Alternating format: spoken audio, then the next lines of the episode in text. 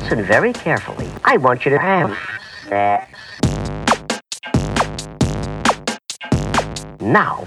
And when I say now, Promise I will not judge any person. Ah, yes. I don't get it. Ah, yes. Ah, yes. Ah, yes. I don't get it. Cześć, z tej strony Nat, czyli Twoja zaufana sekspertka, a to jest Nat i Seks. Podcast o tym, że życie jest zbyt krótkie na kiepski seks. Odcinek 54. Gruby seks, część druga. Hej, hej!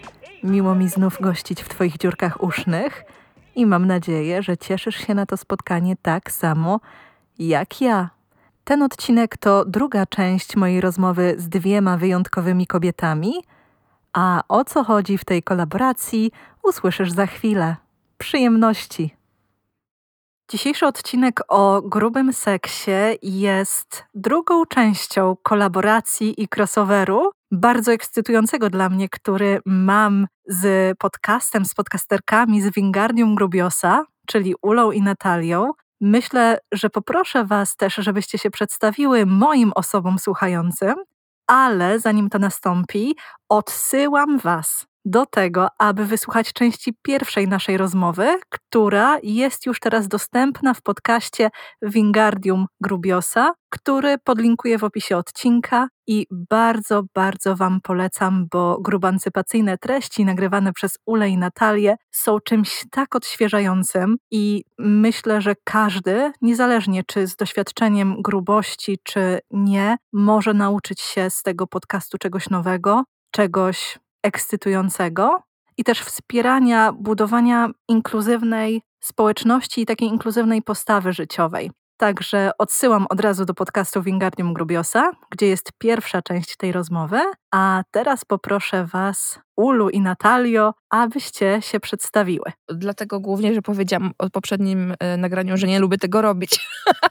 nie, oczywiście żartuję. E, Z tej strony e, Ula, czyli połowa podcastu Wingardium Grubiosa. Ja w social mediach i na blogu funkcjonuję jako Galantalala. Projekt podcastowy, który mm, współprowadzę z Natalią, jest dla mnie takim ukoronowaniem e, marzeń o tym, jak można mówić o grubości w języku polskim. I już. Cześć, ja się rozpłynęłam nad tym, teraz nad, przed, nad tym wstępem i jest mi bardzo miło też, że robimy tą kolaborację, bardzo na nią czekałam. Ja się nazywam Natalia Skoczylas, na Instagramie funkcjonuję jako Nataszeks. Przede wszystkim myślę, że jestem działaczką feministyczną, mm, pracownicą trzeciego sektora, czyli NGO-sów i tak jak ten odcinek wyjdzie, to pewnie będę już prawniczką. Nice. Dziękuję Wam za to przedstawienie się i też za to, że osoby słuchające mogły dopasować głos do osoby, bo myślę, że w przypadku podcastu jest to istotne, gdy mówi więcej osób, ale też dodam, bo to pojawiło się w Waszej części odcinka z Waszej strony, ten etap fangirlingu. I teraz ja muszę odbić tę piłeczkę, bo ja też jestem ogromną fanką i Waszej działalności, a przede wszystkim podcastu, którego każdego z odcinka wysłuchałam pewnie ze dwa, trzy razy, więc jeżeli macie jakiś spike e, w słuchaniu poszczególnych odcinków i dane na temat jednej osoby, która wysłuchuje ich po kilka razy, no to tak, to jestem jedyną z nich, dlatego że no bardzo rezonuję z tym, co mówicie, o czym edukujecie i no właśnie, to nie jest tak, że, że odezwałam się do Was z tą propozycją zupełnie znikąd. A przyznam, że byłam trochę onieśmielona nawet złożeniem tej propozycji, bo tak się zastanawiałam, okej, może one chcą zrobić to same i w ogóle ja z tym moim seksem tak wyjdę znikąd, ale cieszę się, że doszło do tej naszej e, współpracy i do, myślę, takiego bardzo pozytywnego i owocnego spotkania. Także tyle mojego fangirlingu. Nawet teraz czuję się trochę, trochę onieśmielona, co rzadko mi się zdarza. Co nic, to nic, że rozmawiamy od półtorej godziny. W ogóle, bo teraz jakby to, ta optyka, ten e, reflektor skierował się na mnie, bo jesteśmy w Nad i Seks. I będziemy kontynuować rozmowę o grubym seksie. W pierwszej części rozmawiałyśmy trochę o mitach na temat grubego seksu, takim społecznym odbiorze, społecznym obrazie grubego seksu. A teraz myślę, że warto byłoby, gdybyśmy poruszyły temat kwestii reprezentacji, jeżeli chodzi o kulturę popularną, media, a jako kulturę popularną mm, rozumiem też między innymi pornografię. Więc obrazy grubego seksu w popkulturze. Fight. Nie wiem, czy to będzie taki fight, bo przypuszczam, że mamy podobne spostrzeżenia. O pornografii trochę Ula mówiła właśnie w tym odcinku, który jest u nas w Wingardium Grubiosa. Więc ja y, przejdę do seriali, aczkolwiek ta ścieżka pornograficzna się nie zamyka, jakby któraś z Was chciała jeszcze coś dodać. Po pierwsze, co trzeba powiedzieć, to, że tego grubego seksu w serialach jest stosunkowo mało, że tej reprezentacji prawie nie ma. Chociaż y, w zeszłym roku zdarzyło mi się obejrzeć wspaniały miniserial, gdzie był trójkąt z udziałem osób w różnym wieku i o różnej budowie ciała i też y, była tam gruba osoba. Co to był za serial? Chcemy go obejrzeć. No właśnie zastanawiam się, czy nie powiedzieć tego wam y, po nagraniu, żeby nie zrobić spoileru reszcie, reszcie ludzi, bo ten, tam, ten trójkąt wydarza się na końcu. Okej, osoby, które nie chcą mieć spoilerów, mogą teraz przesunąć nagranie o 15 sekund, a ty, Natalia, szybko powiedz, jaki to tytuł. Dobra, to jest Mrs. Fletcher, pani Fletcher na HBO. Bardzo polecam wspaniały serial o odkrywaniu swojej seksualności. Babki, która y, jakby została sama w domu, y, syn wyjechał do koledżu, a ona eksploruje. Wow, okej, ekstra. Czuję się, czuję się zachęcona. To mi się mega podobało, ale też jakoś tak zidentyfikowałam u siebie coś takiego, że niepokoję się. Myślę, że będzie ten seks grubej osoby na ekranie i niepokoję się, co się wydarzy wokół. To jest też taka też kontynuacja właśnie taka myślowa z naszego pierwszego odcinka wspólnego, takiej, takiej troski, takiej, która się bierze po prostu, e, no ja, znaczy ja wiem skąd ona się bierze, ale e, chciałam powiedzieć, że troski z dupy, dlatego, że może po prostu powinnam troszeczkę się też zmitygować w tym, żeby dać po prostu też oddech na to, że tam będzie coś fajnego i że nie ma się czego bać. Wiesz co, Natalia, jak o tym mówisz, to myślę, że to jest trochę pokłosie tych obrazów seksu, grubego seksu odgrywanego dla Becky Mhm. na ekranie, które myślę były dość częste, jeżeli chodzi o popularne produkcje lat wcześniejszych. I że dopiero teraz mamy taki wyjątkowy okres, że zaczynamy reprezentację i gruby seks traktować serio. Ja e, chciałam sięgnąć trochę dalej e, w przeszłość, jeśli chodzi o te sceny seksu, bo zastanawiając się nad tym w ogóle, gdzie ten seks widuje i w jakich kontekstach, w ogóle są takie dwa filmy, to są filmy, które mam w głowie od bardzo dawna. Widziałam je naprawdę, naprawdę bardzo dawno. Jeden jest z 90 roku, drugi z 2000. I to są bez wątpienia filmy, które dały mi dużo siły takiej w kontekście akceptacji swojego ciała i przyjęcia zapewnik tego, że grubi ludzie tak mogą uprawiać seks. Pierwszy z tych filmów to jest film, w którym nie ma sceny takiej seksu jako, jako zbliżenia penetracji, tylko jest, to jest taka scena bardziej erotyczna. Jest to film Mąż fryzjerki. To jest ten z e, roku 1990. I tam jest taka scena, gdzie kobieta, kiedy to oglądałam, nie, nie oglądałam tego w 90, bo wtedy byłam trochę za mała na takie treści, a, ale oglądając go te, te kilkanaście lat później, wtedy to bohaterka, która e, brała udział w tej scenie, na tamte czasy była dla mnie osobą, która była moją reprezentacją. Ona teraz nie powiedziałabym o niej, że była gruba, ale zdecydowanie była większa niż em, kanon e, aktorek em, filmowych. I to była taka, tam jest taka wspaniała scena. Kobieta jest fryzjerką, ma na sobie uniform fryzjerski, taki zapinany na guziki, pod którym nie ma stanika.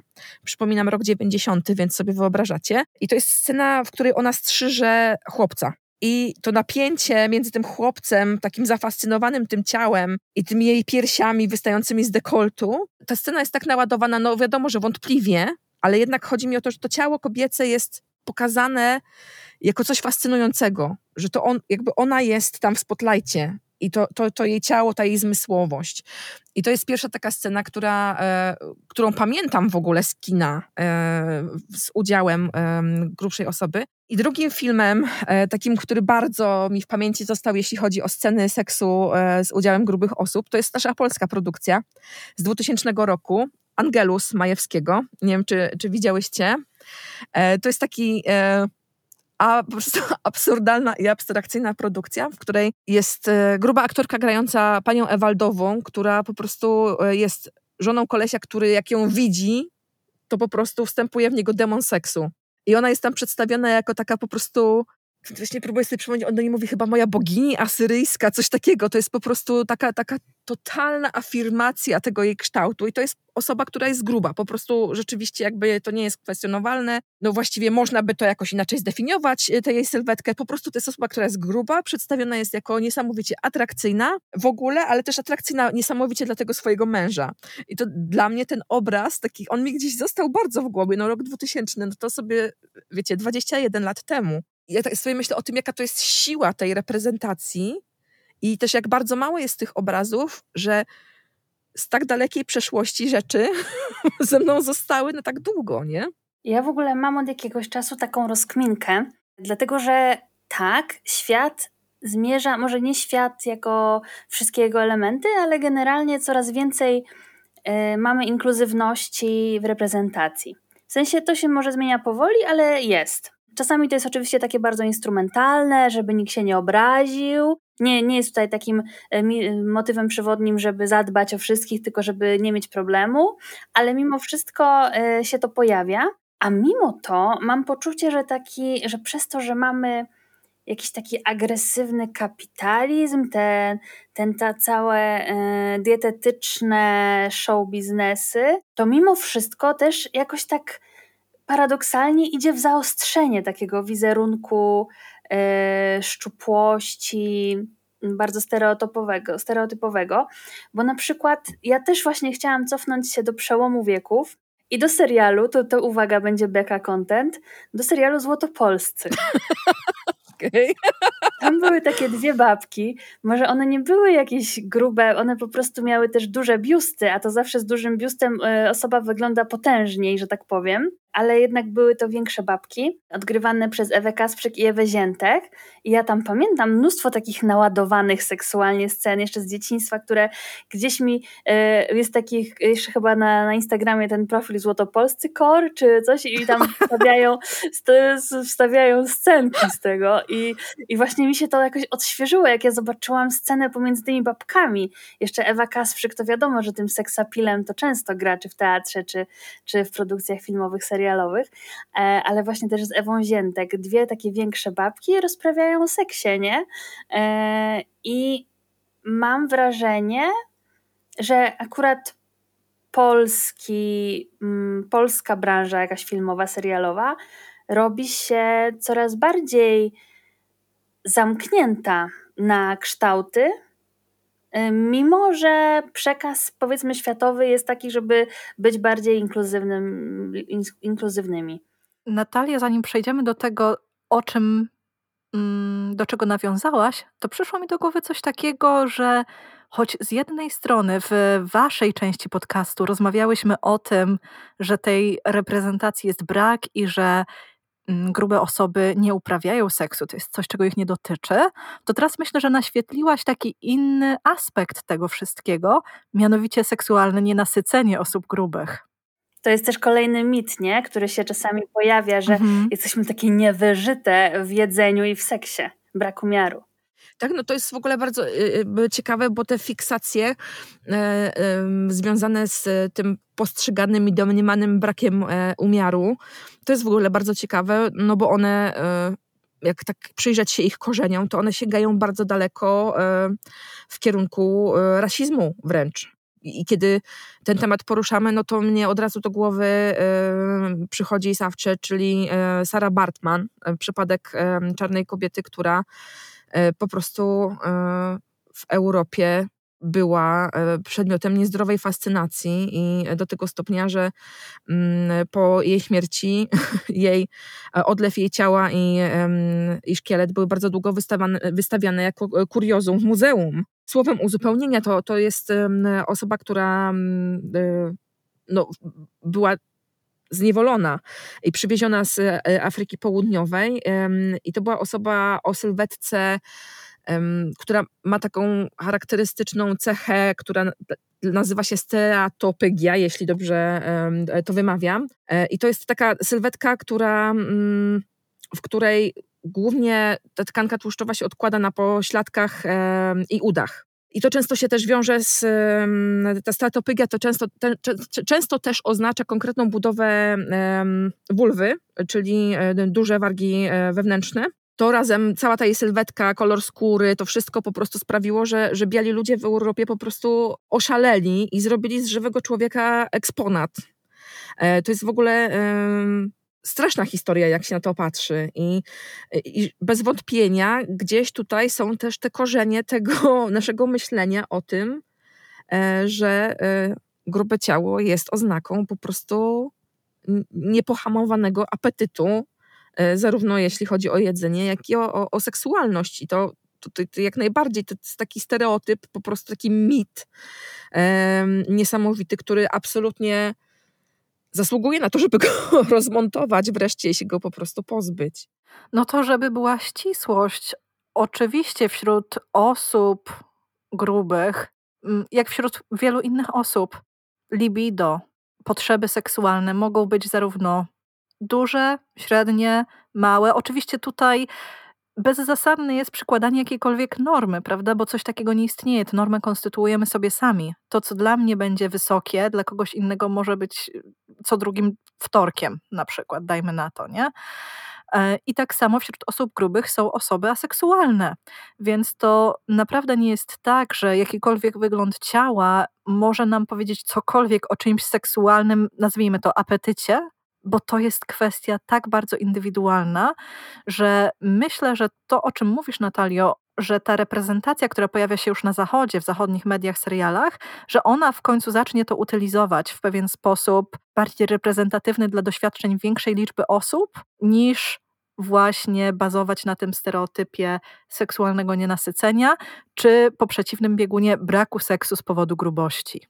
Tak, no ale ja niestety właśnie wy, wyrastałam, nawet tak mm, powiedzmy, moje wyrastanie serialowe to już była taka wczesna dorosłość, bo chyba wtedy zaczęły się właśnie te produkcje takie serialowe, mm, powiedzmy takie mini-filmy właściwie, albo z tych sitcomów. Pamiętam tak dużo przykładów właśnie e, takich negatywnych. I te negatywne przykłady jakoś tak łatwiej mi, mi w ogóle przychodzą. Że tak e, teraz jak też mówiłyście, to przypomniałam sobie, jest przecież ten znany serial How I Met Your Mother, jak poznałem waszą matkę, gdzie była ta obrzydliwa postać Barneya Stinsona, która jest obrzydliwa, ale stała się też ikoniczna z jakiegoś powodu. I on tam w pewnym momencie, e, to było jako taki żart, podrywa grube dziewczyny na siłowni, bo jak schudną już po tej siłowni, to będą wdzięczne i będą z nim uprawiać seks. To jest na tylu poziomach e, zła rzecz. Chciałam zanotować dla słuchających, że Natalia się przewróciła. Natalia spadła z krzesła, to warto powiedzieć.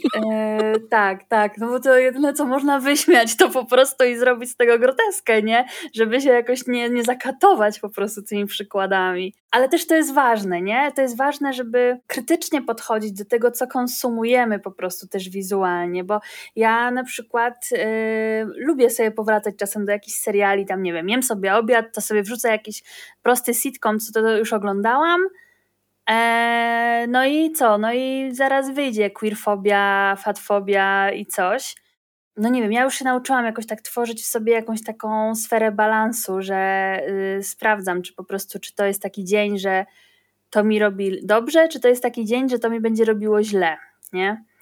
Ale chciałabym, żeby już w nowych dziełach, y, jednak, jak ktoś powstaje teraz od nowa, żeby ten cały, cała ta droga, ścieżka produkcji, przecież to jest i casting, i osoby producenckie, i osoby jakoś pracujące na planie, i tak naprawdę tam bardzo dużo osób jakby w tym wszystkim uczestniczy, żeby one zwracały po prostu uwagę na to, co wypuszczają.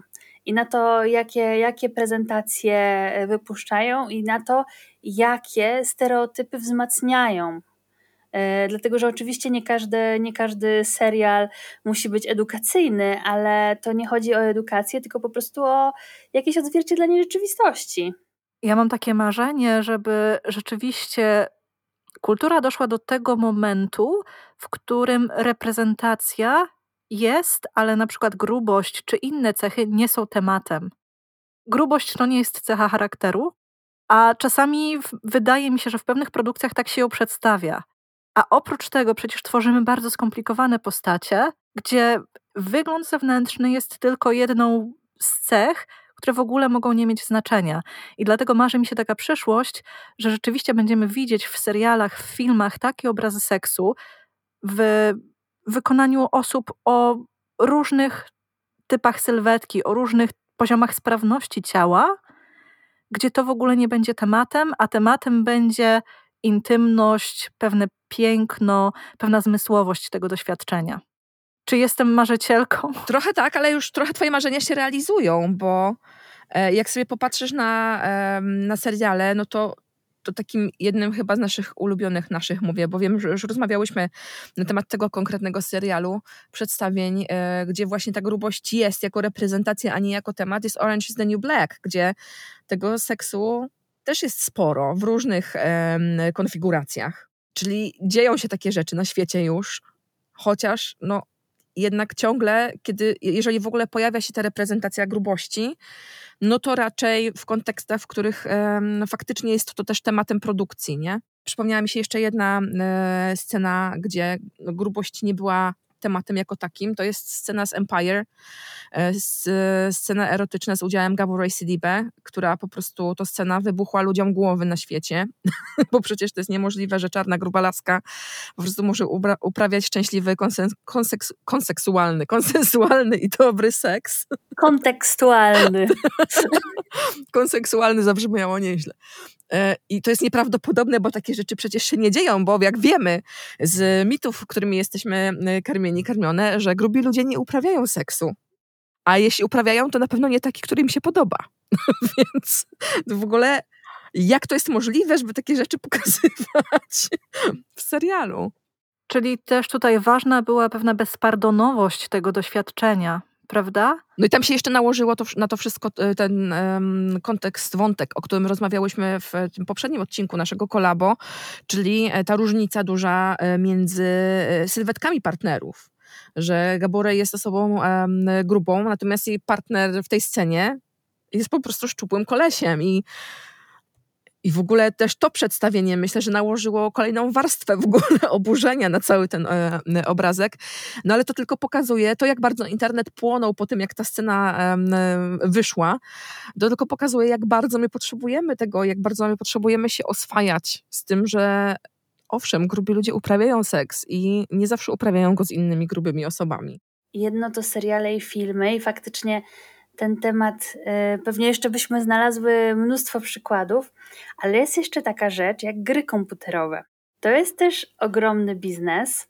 Chyba największy, największa, największy obszar e, biznesu rozrywkowego. No, tam oczywiście jakimś wielkim hitem jest, jak już w ogóle ta główna postać, którą grasz, może w, możesz w ogóle wybrać kobietę, a nie, że grasz mężczyzną. To już są takie jakieś e, rzeczy, ale jest też ta gra Horizon, gdzie główna bohaterka ma nadal figurę zupełnie jakby w tym tak zwanym kanonie, tylko ma buzię taką, e, że ma jakieś może większe policzki, no taką ma, ma, ma taką buzię no nie zrobioną specjalnie, takie sztampowe po prostu te twarze kobiece e, w wielu grach i podniosło się jakieś wielkie larum, że ona jest gruba, że co to ma być. To jest tak spod znaku, spod znaku tego Konfederacji i Loli z kosmicznego meczu dwójki. To jest dla mnie szokujące, bo właśnie mój partner grał w tą grę i powiedział mi o tym wszystkim, co się dzieje wokół tego, jakie, jakie są tutaj kontrowersje, bo ta bohaterka nie wygląda tak, jak gamerzy by chcieli. I ja tak podeszłam, no, no przecież ona, ale o co chodzi? O co to, to jest ta gra, o której ty mówiłeś? Ale o co tu chodzi w ogóle? Jak o tym mówiłaś, to nawet nie do końca wiem, jak na to zareagować, bo z jednej strony rodzą mi się w głowie takie jakieś komentarze na temat fab folderów i w ogóle jak są widziane postaci w grach i być może też takiego takiej nieświadomości, że osoby, które identyfikują się jako kobiety, też grają w gry i fajnie by było, gdyby tutaj też była jakaś większa reprezentacja, jeżeli chodzi o awatary, którymi możemy się posługiwać. Trudno mi, trudno mi skomentować ten wątek, bo chyba też tego nie śledziłam, że oburzenie może wywołać to, że jakaś postać w grze, czyli zgrabnie napisany kod, wygląda trochę mniej zgrabnie niż ludzie by sobie życzyli cały nowy osobny poziom absurdu to jest, bo rzeczywiście ja jako osoba grywająca e, muszę powiedzieć, że faktycznie trochę widać to w edytorach postaci, że pojawiają się takie opcje, że gdzie nie, gdzie możesz wybrać typ sylwetki i to jest spoko, chociaż oczywiście nadal tam nie ma takich grubych osób, w sensie grubych, grubych, czyli ja na przykład jakbym chciała sobie zagrać awatarem, który ma taką sylwetkę jak ja, to e, nie uda mi się tego zrobić. E, ale pewien progres jest obserwowalny i tutaj najbardziej znienawidzona gra zeszłego roku, czyli Cyberpunk, daje na przykład też możliwość grania osobą transpłciową, w sensie, że jakby możesz sobie miksować ekspresję z genitaliami, tam zestawiać w każdej konfiguracji. I to jest też super, że jakby jest taka możliwość w ogóle, bo to jest coś, z czym się spotkałam po raz pierwszy w ogóle w grze, nie? Że masz taką możliwość, że możesz sobie zagrać postacią niebinarną. To w ogóle jest wow. To jest coś w ogóle, tego nie było. Ale grubości nadal tam nie ma, bo, postać y, grubsza to, tam nie wiem, czy w ogóle jest wybór taki. Więc te grubości tam nie występuje, ale jakieś kroki w tym bardzo hermetycznym świadku gamerskim też się dzieją, co jest w ogóle super, że, że w ogóle jakiekolwiek próby są podejmowane w tym kierunku. Też ciekawi mnie to, że jak głośne są te sytuacje, w których ktoś chce wprowadzać inkluzywność, chce pokazywać, że świat jest dużo bardziej różnorodny niż to, co wykreował nam zachodni Hollywood czy zachodnie media, ale też to pokazuje, że kurczę, spróbowaliśmy, a ludzie w internecie się zasrali, nie? Czyli mają z tym jakiś problem. No. I z tego wątku to będzie w ogóle totalny fikołek, ale chciałam przejść do pornografii. To jest fikołek, ale taki chyba nie aż tak totalny, powiedziałabym, bo myślę, że tam też jest dużo takich ciekawych e, wątków związanych z reprezentacją i z tym, czego, e, czego ludzie szukają, bo e, robiąc sobie research do, do naszej rozmowy, znalazłam taką informację. Istnieje coś takiego jak Adult Video News Awards i że w roku 2017 kapituła tego przyznającego nagrody e, konkursu zrezygnowała z, po raz ostatni wtedy pokazała się kategoria e, BBW Performer of the Year, czyli e, w kategorii grubej performerki pornograficznej. Pornografii? Nie wiem, jak powinnam to powiedzieć. BBW to jest skrót od Big Beautiful Women, co też pokazuje nam, jak genderowa i jak wartościująca jest to kategoria. Tak, tak, to, jest, to, to też mnie w ogóle bardzo zaciekawiło. Interesujące jest to, co się wydarzyło w następnym roku z tymi nagrodami, że w tej kategorii właśnie BBW nagrody zostały przeniesione do kategorii Niche Performer of the Year. Czyli tam, gdzie były wcześniej osoby z tatuażami, z jakimiś alternatywnymi um, fryzurami. Tak, tak. BDSM, tam, tam, tam całe mhm. mature i tak dalej, nie? Te wszystkie kategorie takie marginalne, o, w tym biznesie, marginalnie reprezentowane, o to, e, o to mi chodzi. E, I to też jest, e, to też pokazuje, że jak, jak to jest postrzegane. Jednocześnie warto przypomnieć, że w Polsce według e, Bullshit Mass Index ponad połowa osób ma co najmniej nadwagę. Ja normalnie unikam tych kategorii, ale no mamy trudność z zastępowaniem, czyli mamy połowę społeczeństwa, która jest gruba w mniejszym lub większym stopniu, a jednocześnie pornografię, która jest y, z, z udziałem reprezentacji części tej grupy, traktujemy jako w ogóle niszowe zjawisko. To jest też y, interesująca proporcja.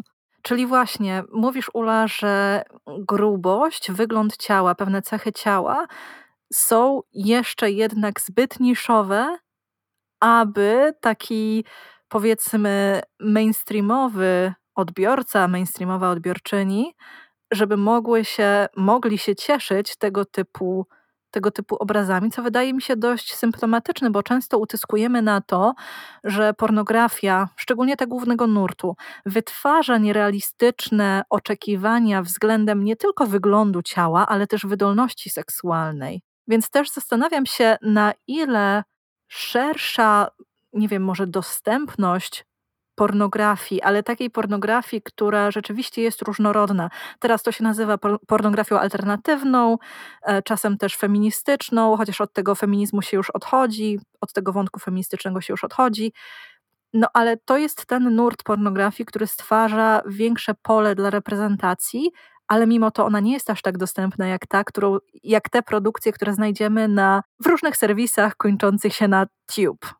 Akurat przy pornografii mamy jakieś takie i w ogóle inne, inne oczekiwania niż co do reprezentacji w serialach, telewizji i tak dalej, że nie mam tutaj takich oczekiwań w ogóle już edukacyjnych. Że oczywiście mam oczekiwania, żeby to nie było dyskryminujące, żeby, żeby zatrudnienie było w porządku i, i tak dalej, i żeby była ta reprezentacja, ale tak jak ty mówiłaś o tej wydolności seksualnej i o to, że właśnie czerpiemy te informacje z pornografii. Ja mam takie poczucie, że ten cel nie powinien być edukacyjny i że właśnie, że ona nie powinna zastępować edukacji seksualnej o ciele i właśnie o jego wydolności.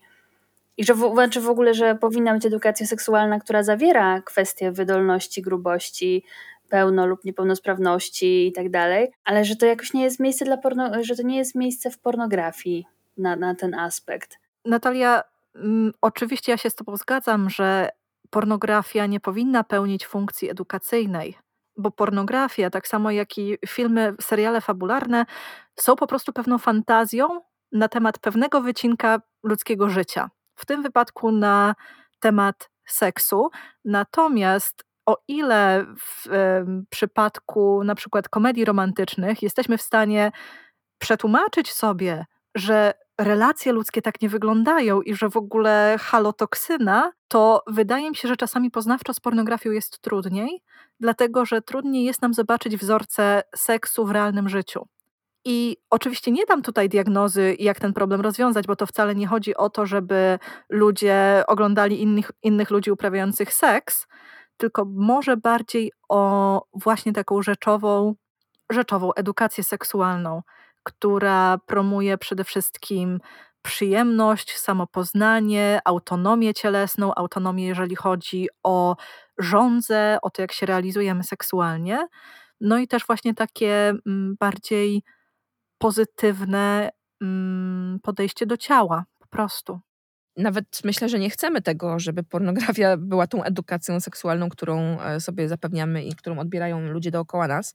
Ale tak sobie myślę, że y, to by było super, gdyby była większa dostępność e, filmów pornograficznych, w których ludzie uprawiają seks i w których norm, jakby opatrujemy się z normalizacją z tym, że trzeba przesunąć brzuch, że trzeba skorzystać z jakiejś pomocy w postaci pozycjonera. Jakby normalizować takie rzeczy, które dzieją się, w sensie to jest zupełnie normalne. Ja to widzę to um, na jodze często, że jakby na tyle dotykanie własnego ciała i um, pomaganie sobie rękami, typu przełożenie brzucha na drugą stronę nogi, żeby się gdzieś bardziej wygiąć, e, czy e, modyfikacja asany, żeby zmieścić brzuch i piersi, że to są rzeczy, które z jednej strony no są oczywiste, bo to jest nasze ciało, a z drugiej strony są tak kompletnie nieoczywiste, że w ogóle nie przychodzi to ludziom do głowy, że coś takiego w ogóle można zrobić. I mm, ja się często spotykam z tym, że w, w, takich krótkich filmikach jogowych, które mam na YouTubie, jakby ludzie je oglądają i wracają z takim feedbackiem, że Jezu, ty powiedziałaś o zarządzaniu fałdą, że brzuch można wziąć w rękę i go po prostu przełożyć i że to jest normalne, to nie jest wstydliwe, tylko po prostu jest to naturalny element tej fizyczności. Gdyby też w filmach pornograficznych takie sceny były częstsze, trochę by się to nam znormalizowało, że że po prostu jest taka potrzeba.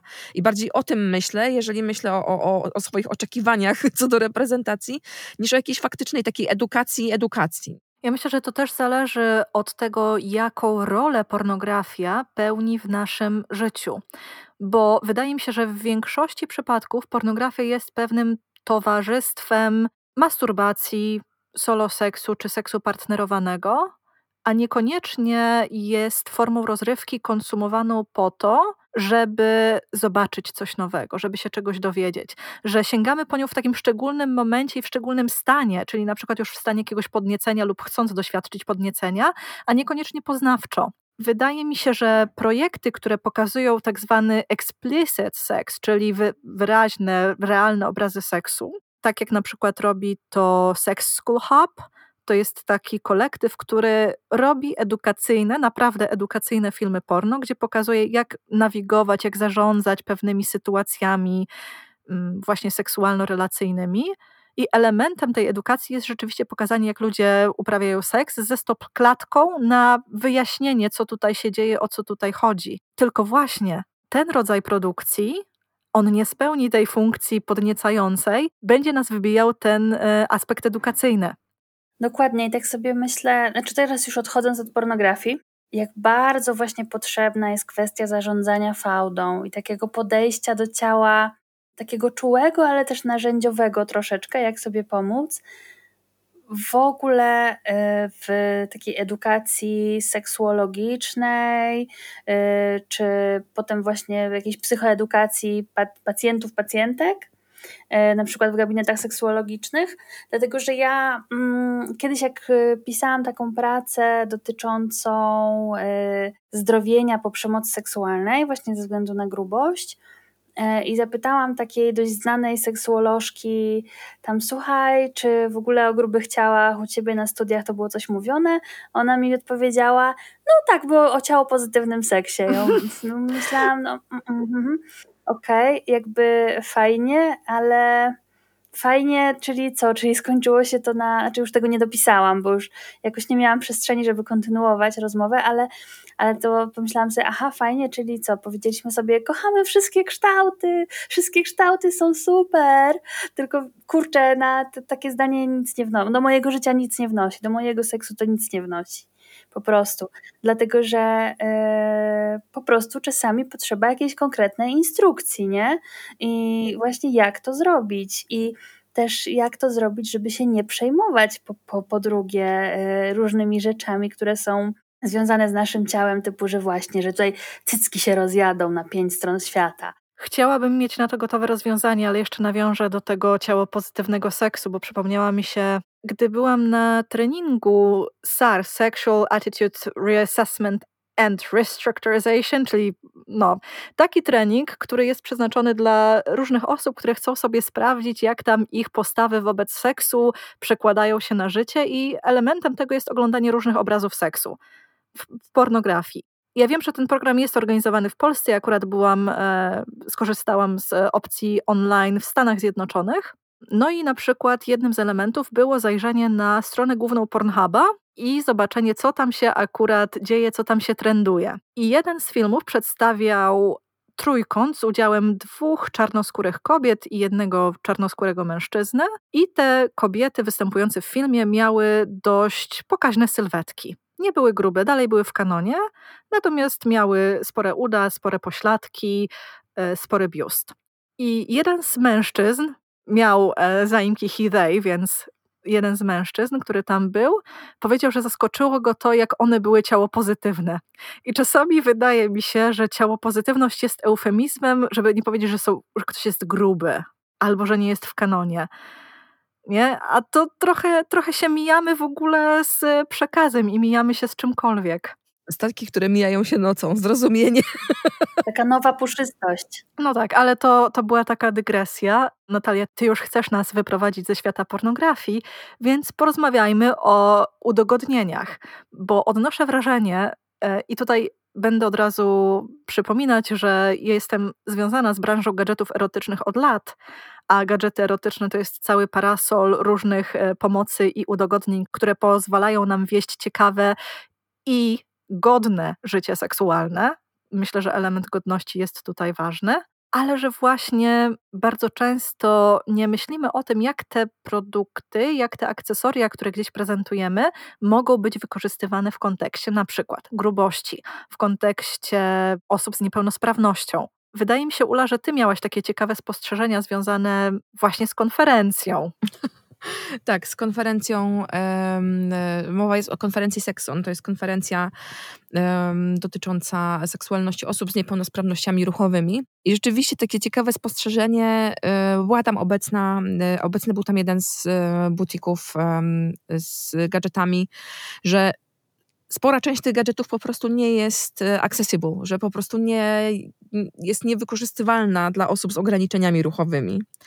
E, No i rzeczywiście, no kurczę, trochę tak jest, nie? że to też przypomina mi się wątek e, rozmowy na, na, mojej grupie na Facebooku, gdzie rozmowa dotyczyła tego, jak korzystamy z kubeczków menstruacyjnych, mając większy brzuch i biust.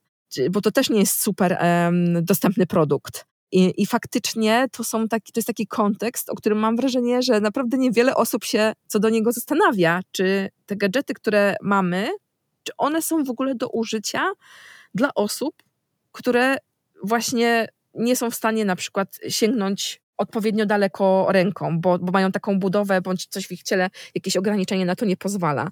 I to jest e, strasznie interesujące dla, dla mnie, że ponownie wracamy do tego, że rynek jest tak ogromny, bo to jest ponad połowa ludzkości, a jednocześnie ta podaż jest naprawdę niewielka stosunkowo. Tak, i tak jak ty, ty mówiłaś o kubeczkach, ale teraz też szeroko promowane są te majtki menstruacyjne, nie? I też e, promują e, je influencerki, które określają się jako ciało pozytywne. E, ale te majtki, no, z żadnej firmy nie są dla mnie, na przykład. Ja się w nie nie zmieszczę w żaden sposób. Nie to, że czuję się atakowana, bo też brałam udział w reklamie majtek menstruacyjnych niedawno, e, które kończą się rozmiarówką na XXL i w sumie nie wiem, jak się do tego odnieść. Nie, w sumie to nie chodziło mi też o powiedzenie, mm, że y, osoby, które y, influencersko jakoś y, promują te majtki, to jest ich odpowiedzialność. Absolutnie. Mi chodzi o to, że no po pierwsze y, marki powinny o tym pomyśleć. To jest jedna rzecz. A to druga rzecz, no, że żyjemy w takim systemie, w którym po prostu też wymaga to jakiegoś zaadresowania, że ta rozmiarówka jest taka nieodpowiadająca potrzebom. Mhm, nieodpowiadająca realiom. No i teraz y, robię taki wewnętrzny check-in, czy na pewno zauważyłam. Nie, bo oczywiście dostrzegam te przykłady, w których rzeczywiście ktoś używa ciało pozytywności, ciało inkluzywności jako chwytu marketingowego. Zresztą wy o tym fantastycznie mówiłyście w odcinku podcastu, że czasami to jest po prostu, no właśnie, marketingowy slogan, za którym nie idzie nic więcej. I cieszę się, że są osoby, które wywołują, robią, robią po prostu call-out marek, które próbują się wieść i próbują budować swoją popularność na tego rodzaju wartościach, no a ich oferta mówi coś zupełnie, zupełnie innego. To jest tak jak, tutaj powiem coś okropnego, nie? Ale Dawaj. bądź sobie gruba tak długo, jak jesteś zdrowa. Tak, ale tak jest totalnie, nie? To jest mit piękna 2.0, że wiesz, no mówimy teraz y, o zdrowiu i to jest coś, co bardzo często się też w narracjach tych takich woke i e, około feministycznych pojawia, nie? Że ciało pozytywność jest super, dopóki nie ważysz więcej niż 100 kilo na przykład, nie? Że po prostu wszystko jest okej, ale do pewnego rozmiaru. No i faktycznie to jest coś, co trzeba Ech, 100 porządkować. kilo, kiedy to było? Słucham? 100 kilo, kiedy to było? No właśnie. Trochę jest świat tak zorganizowany, że jak coś nas bezpośrednio nie dotyczy, to o to się nad tym nie zastanawiamy. Nie? Ja, będąc osobą, która e, nie porusza się na wózku, no przyznaję, to nie jest moja pierwsza myśl, jak gdzieś idę, czy ten budynek jest dostępny. Więc jakby też rozumiem to, że jeżeli ktoś mieści się w rozmiarówkę, to nie sprawdza tego, czy ta rozmiarówka sięga gdzieś tam dużo za niego. E, potrafię to zrozumieć, e, jakby z czego to wynika. I, i, i e, jednocześnie też potrafię jakby zrozumieć to, że ludzie no, nie czują, że mają jakąś możliwość wchodzenia w dialog z producentami różnych rzeczy i, i zwracania im uwagi. Nie mamy takiego poczucia sprawczości. Ale no, jakby się nad tym zastanowić, to w gruncie rzeczy owszem tak jest, że każdy może tę uwagę e, zwrócić. I bardziej w tym kontekście braku dostępnych, e, czy to są właśnie majtki e, menstruacyjne, czy to są gadżety erotyczne, czy to jest cokolwiek innego, to bardziej ten brak dostępności dziwi mnie w kontekście producentów, bo to jest do cholery kasa, która leży na ziemi i po prostu której nikt nie chce podjąć. Ja naprawdę, teraz już jest trochę lepiej, ale rzeczywiście przez lata to ja byłam jak z tego mema, że shut up and take my money, jak się cokolwiek pojawiało, co było na mnie w ogóle, w co ja się mogłam zmieścić, Czy e, no moim konikiem jest między innymi bielizna w dużych rozmiarach i, i dostępność. I rzeczywiście w kontekście na przykład bielizny erotycznej, no to nadal te opcje, które mamy na rynku, no to ich jest znikoma ilość tak naprawdę i one często są niestety bardzo słabej jakości, a jeszcze częściej są bardzo słabej jakości i projektowane przez osoby, które nie mają pojęcia o grubym ciele, bo po prostu to się nie może udać. Czyli po prostu powiększają pewien design zaprojektowany na osobę w kanonie. Tak, Tak, dokładnie. Tak, które będą nadal uciskać, nadal uciskać, nadal nie będą wygodne, nie? Ale też chciałam właśnie też powtórzyć, bo ten odcinek marketingowy był mm, nasz przy, przywołany i trochę tutaj się pojawia tych myśli. Nie uważam, że w każdym przypadku pójście na konfrontację, czy ty, czy ty jak powiedziałaś, nad call-out, że to musi być to, że to musi być właśnie to narzędzie wykorzystane, po prostu, żeby zachęcić do tego dialogu, pokazać, że może być inaczej, e, pokazać właśnie, że, że ja to bym kupiła, bo ja bym majtki menstruacyjne bardzo chętnie kupiła, ja bym je nawet zapromowała na Instagramie, ale tylko żebym się w nie zmieściła. Czy producenci słyszą? Instagram Nataszeks jest potencjał. No i to jest coś, co nie, właśnie potencjał, to słowo klucz, nie? To jest coś, co w ogóle nie od lat ja nie potrafię tego zrozumieć, że naprawdę po prostu producenci, ale też sklepy, dostawcy, osoby, u których my się zaopatrujemy, że nie widzą tego potencjału. Takim tematem, em, o którym myślę dosyć e, intensywnie, to jest na przykład dostępność pozycjonerów. Nie? I ja z jednej strony rozumiem, dlaczego one nie są dostępne na zawołanie, no bo faktycznie trzeba mieć dużo tej przestrzeni, żeby je e, trzymać e, na stanie magazynowym e, i tak dalej, ale z drugiej strony, to jeżeli one nie będą dostępne chociaż w jakimś małym zakresie od ręki, to szansa na to, że one będą bardziej rozpromowane na rynku jest znikoma. Ja najpierw muszę wiedzieć o tym, że one istnieją, potem muszę wiedzieć, gdzie je kupić, a na koniec muszę mieć możliwość kupienia ich bez czekania miesiąc, no bo ludzie teraz nie robią tak zakupów, że czekają miesiąc na jakąś rzecz. Nie? I to jest, e, to jest ta dostępność, jakby ta druga oś dostępności, czyli to, co jest dos- dostępne komercyjnie, w sensie, czy my mamy w ogóle do tego jakieś źródło e, ty, tych, tych ułatwień i udogodnień? Czy są sklepy, które na przykład konstruując swoją ofertę, myślą o grubej osobie jako odbiorcy gadżetów erotycznych?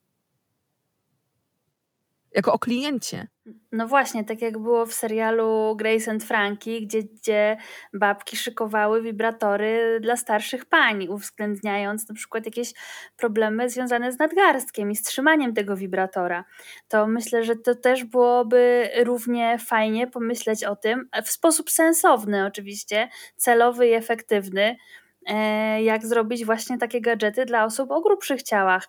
No, Oczywiście dodałam, że sensowny, dlatego że nie wiem, czy kojarzycie ten motyw, że jacyś panowie, zdaje się z Danii czy z Holandii, e, wymyślili rękawiczki do menstruacji, żeby wyrzucać Tak, chyba tak. podpaski e, zużyte w rękawiczkach, no po prostu, no to, to jest taki mm, pomysł e, A nie tampony? niepotrzebny troszkę. Czy tampony? Tam, no, może tampony, może tampony, no, żeby tampony sobie wyjmować z tymi rękawiczkami.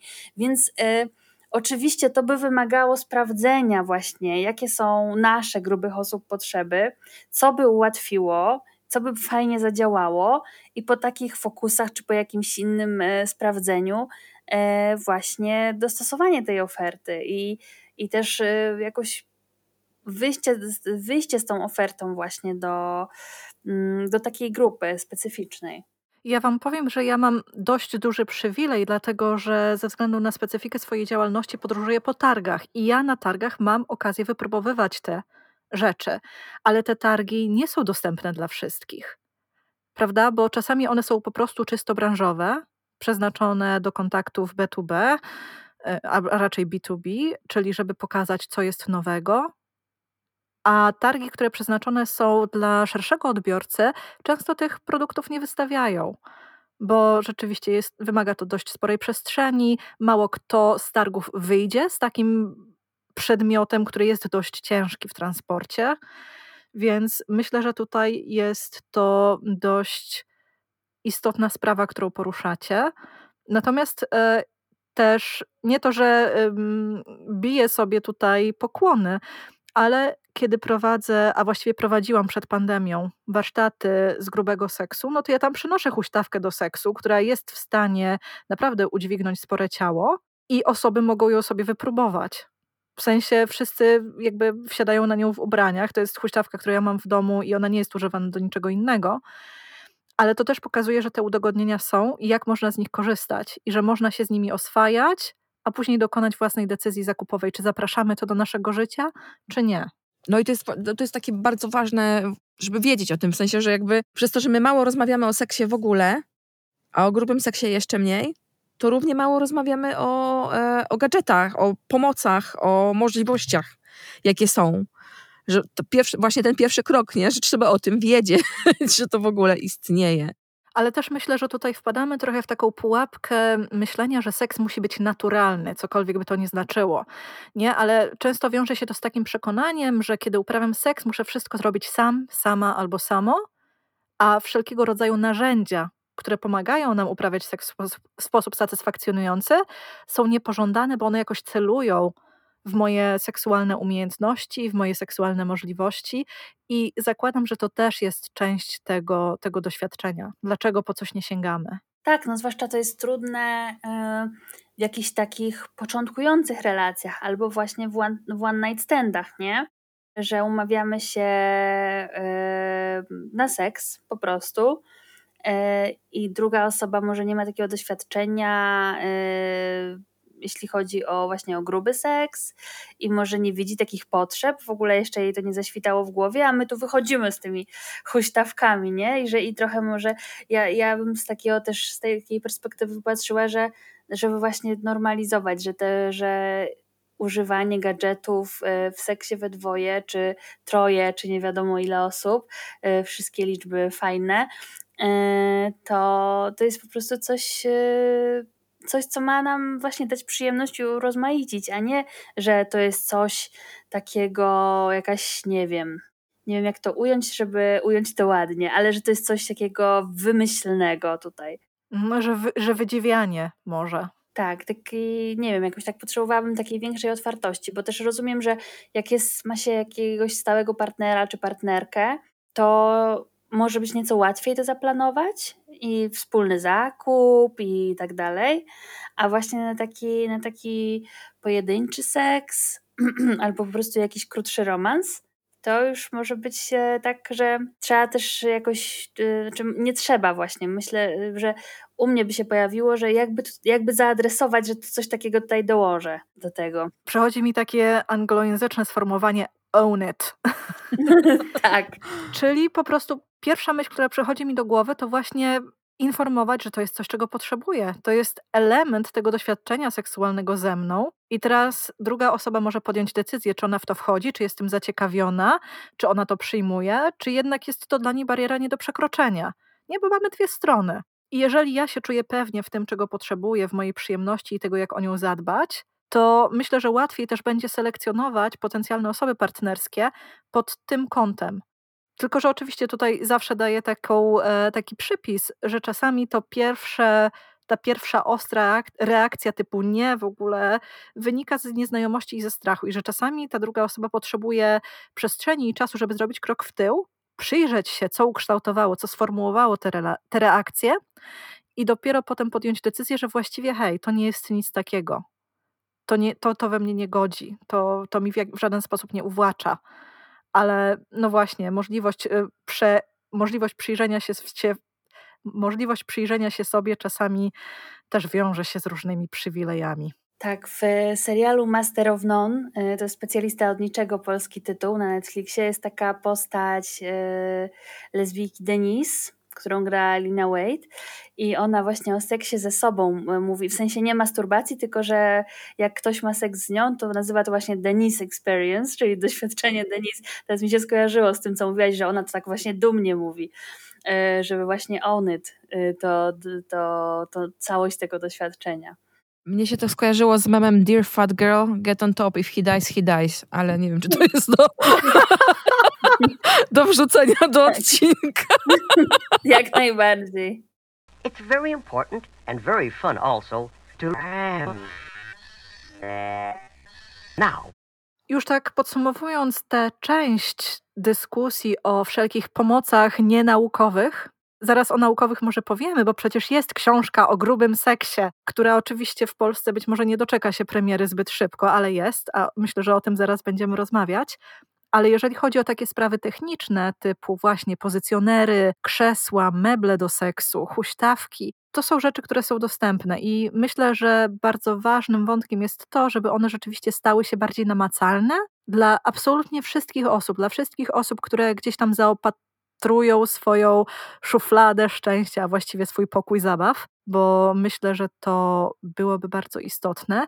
No i też oczywiście pamiętajmy, że zawsze, że świat akcesoriów erotycznych w ogóle jest na tyle bogaty, że zawsze znajdziemy coś dostosowane, i tutaj duży cudzysłów, do problemu, a właściwie do potrzeby i do człowieka.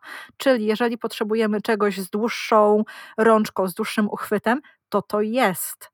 Nie? Tylko problem w tym, że małe, urocze gadżety erotyczne są częściej promowane, częściej są w rękach osób influencerskich, częściej są na Instagramie, częściej są bardziej fotogeniczne i z tego tytułu możemy do nich nie mieć, do, możemy do nich nie mieć dostępu, co jest właściwie taką moją zachętą do tego, żeby albo pytać osób, które w branży funkcjonują, które naprawdę funkcjonują, albo po prostu robić też, e, też własne poszukiwania dostosowane do tego.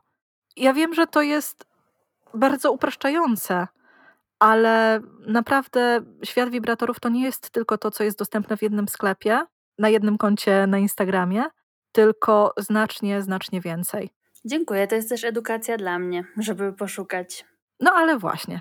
Pomoce naukowe, pomoce edukacyjne. Jest książka, która nosi tytuł Curvy Girl Sex. I Ula, ja wiem, że ty masz doświadczenie z tą książką jako czytelniczka, więc wywołuję cię do tablicy, żebyś e, być może opowiedziała, o co w tym wszystkim chodzi. Książka e, Ellen Chase trafiła w moje ręce za twoją rekomendacją, Natalio, e, kilka lat temu. Winna.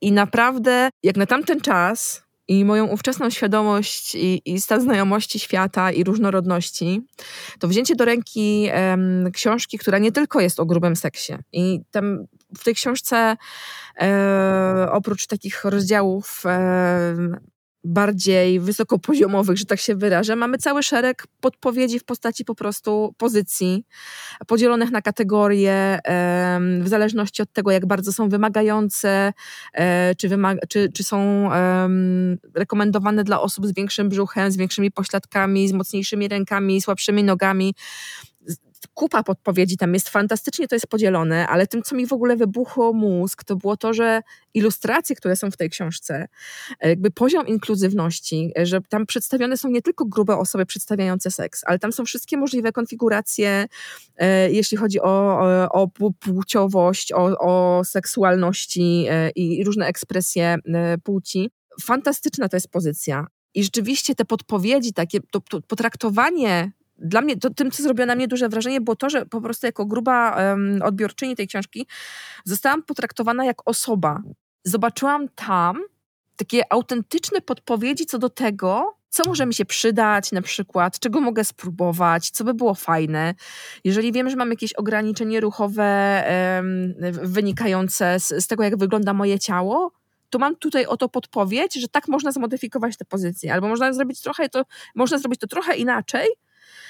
to jest coś, co ja lubię bardzo w ogóle w kontekście też aktywności fizycznej, e, również nie będącej seksem, czyli takie podpowiedzi, jak sobie modyfikować i ułatwiać życie. Po prostu jak można sobie modyfikować ruch i dopasowywać go do siebie. I to, ta książka e, zrobiła na mnie e, bardzo duże, bardzo pozytywne wrażenie i marzy mi się, że ona będzie wydana w Polsce. Chociaż mam jedno zastrzeżenie, o którym rozmawiałyśmy i ono dotyczy zdjęć autorki, które po prostu ewidentnie są zrobione tak, jakby to mężczyzna robił jej zdjęcia erotyczne. E, więc tutaj jakby ta, ta warstwa, tu widać po prostu po tych zdjęciach, ile ta książka ma lat. O, tak myślę, że można. Myślę, że są to zdjęcia modelki. A myślisz, że to nie są jej? Tej czerwonowłosej. Nie, bo L. Chase wygląda zupełnie inaczej, bo mówimy o tej modelce z czerwonymi włosami, prawda? Mhm. Nie, to jest performerka, to jest modelka. Sama L. Chase była osobą grubą, teraz jest osobą bardzo w kanonie. Wydaje mi się, że w wyniku operacji bariatrycznej, ale to jest moja fantazja. Więc e, nie, to nie jest L. Chase. Rozumiem. No, to w każdym razie. y, Absolutnie zarzuty wobec zdjęć nadal, y, nadal podnoszę, bo rzeczywiście widać po nich, że ta książka ma już ładnych parę lat. po prostu teraz mam wrażenie, że trochę, zwłaszcza w takich inkluzywnych bardzo mm, y, wobec ciała i wobec afirmujących seksualność w różnych jej przejawach, publikacjach, raczej się już inaczej przedstawia ciała po prostu. Inaczej trochę te, te, te seksualność gdzieś tam em, pokazuje. Albo to jest moje naiwne wyobrażenie o świecie, co jak wiemy z historii również może mieć miejsce. No właśnie, ja, ja do niej sięgnęłam z kolei dopiero tej jesieni, po pożyczeniu jej od Uli. I może właśnie przez to, że ja ją czytam teraz po raz pierwszy, yy, już w tym roku, przyznam o, oczywiście się od razu, że ją bardziej przeskanowałam wzrokiem niż przeczytałam, skupiając się może na niektórych pozycjach, tak z ciekawości doczytując. To dla mnie to już było takie oczywiste, ale myślę, że kilka lat temu jeszcze by nie było. Bardzo bym chciała, żeby taka książka, taka książka w języku polskim pojawiła się po prostu na polskim rynku dla osób, które dopiero też wchodzą w to już do, dopiero zaczynają życie seksualne, zastanawiają się, rozkminiają, żeby to było po prostu dostępne na różnych poziomach zaawansowania, że tak powiem. Też tak sobie myślę, że dzięki takiej książce, którą bym na przykład przeczytała 15 lat temu, pomogłoby mi to zaoszczędzić dużo stresu, którego też e, w takiej sferze doświadczyłam, dużo niepewności, wątpliwości, nie?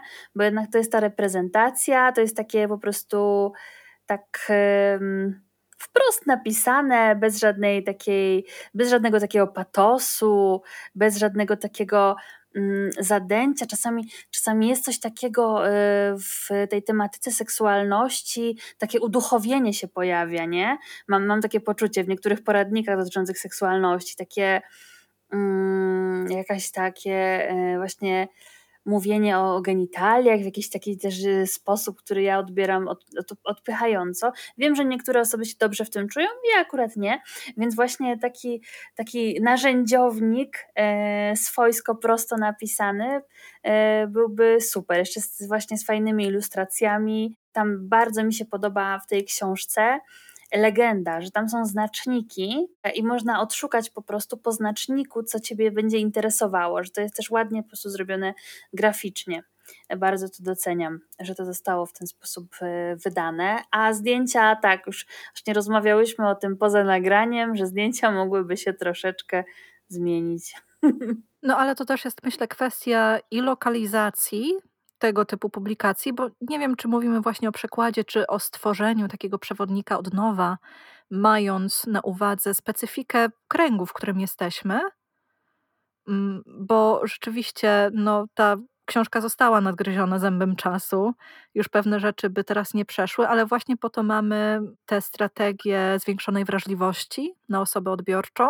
No i właśnie też osoby, które byłyby skłonne taki temat podjąć być może. Czy to była obietnica, jakaś deklaracja z twojej strony? Bo ja bym czytała jak dzika. Myślę, Ula, że to, y, co zasugerowałaś, jest trochę w sferze marzeń, bo też oczywiście to wiąże się z różnymi pytaniami, które trzeba sobie postawić. Czy polskie wydawnictwa są gotowe, żeby podjąć taki temat? Czy polski, polska grupa odbiorcza rzeczywiście byłaby zainteresowana takim poradnikiem? No bo też mówiłyście w swoim podcaście, że osoby grube to są osoby o jednej z najmniejszych przynależności do społeczności, czyli najmniej jakby ide- identyfikujące się z jakąś społecznością, choć ją tworzą. Więc być może sięgnięcie po taką książkę wiązałoby się, to jest taki duży skrót myślowy, z coming outem przed sobą i przed światem jako osoba gruba. Trochę tak. Tak, trochę jest tak, że rzeczywiście do, do momentu, dopóki e, tego w cudzysłowie coming outu nie zrobimy, no to faktycznie e, widać, że z, z większym trudem przychodzi konsumowanie tych treści, zwłaszcza no, kupienie książki, która jest otwarcie nazwana seksem dla grubych, że to jednak e, no, wymaga to pewnego po prostu też u, uporządkowania tej relacji w sobie z grubością, nie?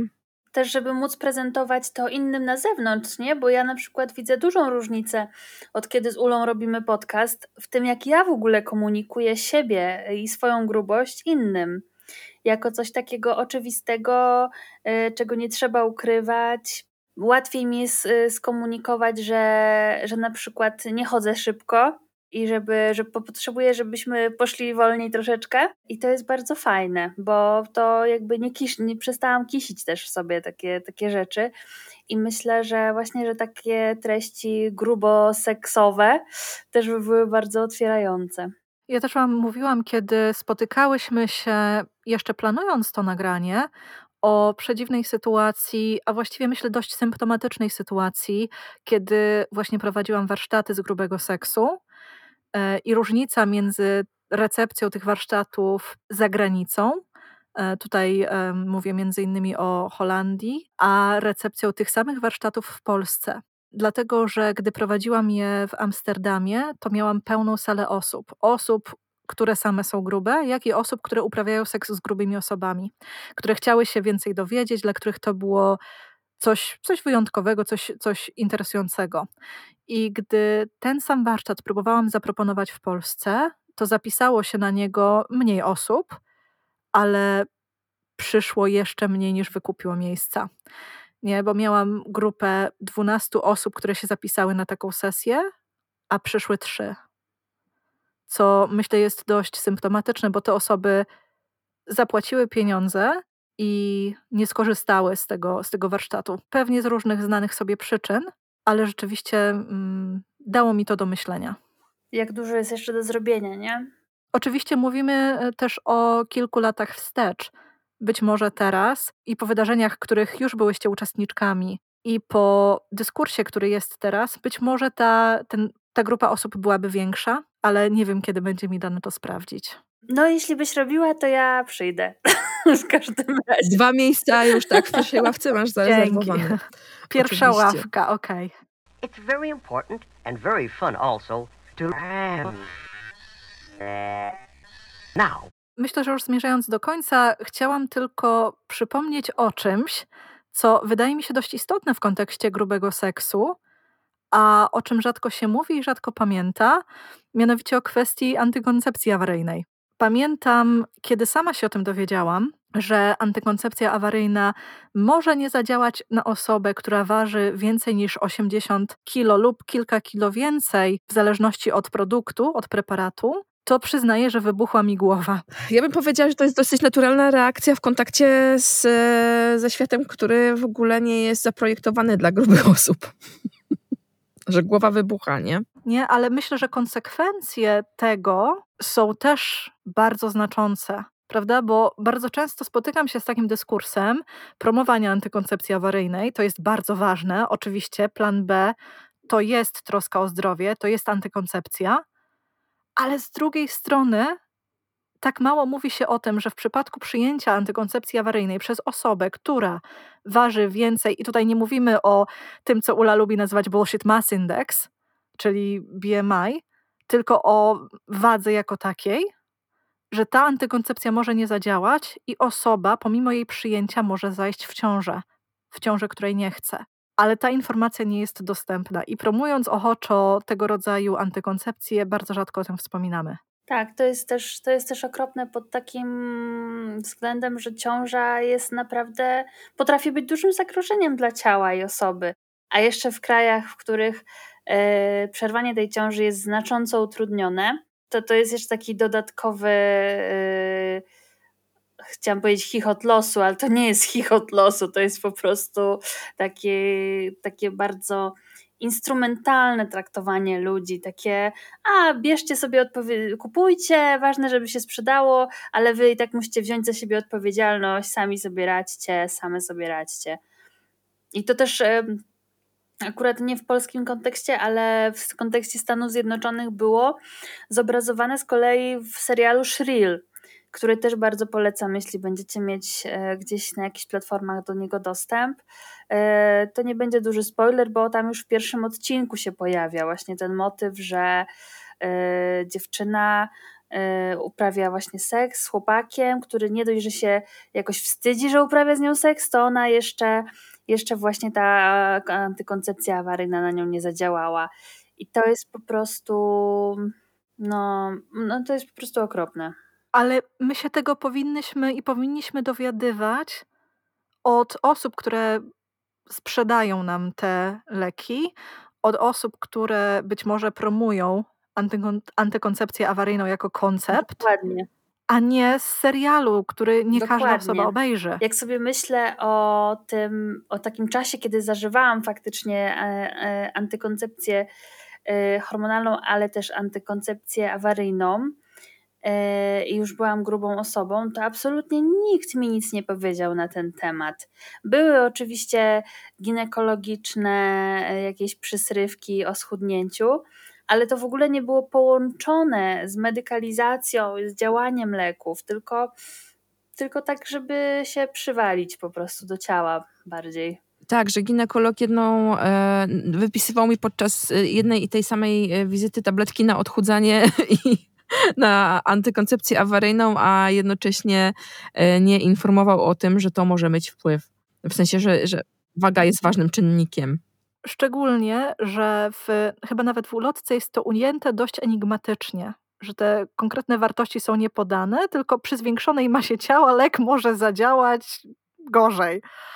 Co jest w ogóle totalnym absurdem, bo my znamy te wartości dla poszczególnych preparatów, czyli ten e, próg 80 i 80 plus kilogramów. Nat, a znasz yy, takie właśnie taką ko- antykoncepcję awaryjną, która jest dobra y, dla osób o masie ciała wyższej niż to 88? Nie, ale może Mhm. to wynikać z faktu, że antykoncepcja awaryjna nie była testowana nigdy na osobach, które mają konkretny bullshit ma- mass index. Jesus. Przemysł farmaceutyczny w ogóle dowiedział się o tym przez przypadek, gdy osoby grube, które zachodziły w niechcianą ciążę pomimo przyjęcia antykoncepcji awaryjnej, zaczęły zgłaszać to, że, że tak się właśnie wydarzyło. I wtedy właśnie przeprowadzono dalsze badania. Okazało się, że mm, jest to kwestia przyswajania substancji zawartych w, zawartych w leku, którego to problemu nie rozwiązuje w ogóle przyjęcie większej dawki czy podwójnej dawki leku, więc tutaj od razu robię taką erratę. Natomiast to też ma związek z tym, że badania, testy leków na żywych organizmach, na ludziach, prowadzi się na osobach, które są przez medycynę interpretowane, postrzegane jako zdrowe, a waga ich ciała jest jednym z tych elementów. Polecam zrobić sobie taki eksperyment. Jeżeli chcecie zgłosić się do takiego mm, testu leków, to są w ogóle badania, które są płatne, można to robić, to tam w takim formularzu rekrutacyjnym, powiedzmy, będą rubryczki i na wzrost, i na wagę, i absolutna większość, absolutna większość mm, takich badań wykluczy osoby, które mają określoną, określony bullshit mass index. Ale nas wyklucza nawet kalkulator na stronie DKMS-u, e, nas w sensie grube osoby, więc e, gruba osoba nie może w Polsce zostać dawcą szpiku. E, Taka ciekawostka. Ale faktycznie jest to dosyć znamienne, że branża farmaceutyczna dowiedziała się o istnieniu grubych osób wtedy, kiedy zaczęły zgłaszać skutki uboczne, bo to rzeczywiście jest powtarzający się refren. I taka notatka, też nie wiem, czy chcemy to w nagraniu, ale ciekawostka, że dlatego tak bardzo zaimponowała mi e, konstrukcja grup badawczych w badaniu szczepionki na COVID, e, bo rzeczywiście e, i BioNTech i Moderna faktycznie miało w grupach badawczych odsetek osób grubych odpowiadający reprezentatywnemu dla światowej populacji ludzi. Więc to, to było pod tym względem to było imponujące, że w ogóle zauważyli, że grube osoby są i że też będą szczepione. No to tym jakże optymistycznym akcentem, mówię trochę z przekąsem, myślę, że powoli zawijamy do portu. To przypomnijcie tylko proszę, gdzie osoby, które chcą zgłębić temat czy zapoznać się z Waszą działalnością, mogą znaleźć Was w sieci. Jesteśmy y, zarówno na Instagramie, jak i na Facebooku, na fanpage'u Wingardium Grubiosa. A ja chciałam powiedzieć, że e, już niedługo będziemy miały własną stronę internetową pod tym samym adresem, w sensie wingardiumgrubbiosa.pl, A- ale nie wiem, czy będzie już online, kiedy będzie się pokazywał odcinek. W każdym razie na, e, z wyprzedzeniem zapraszamy. A jeszcze indywidualnie? Ja jestem na Instagramie pod handle e, galantalala i na blogu galantalala.pl. Ja jestem na Instagramie jako Nataszeks. Bardzo Wam dziękuję za tę rozmowę i Cóż, mam nadzieję, że nie powiedziałyśmy wspólnie jeszcze ostatniego słowa. Ja również bardzo, bardzo dziękuję. Dziękujemy.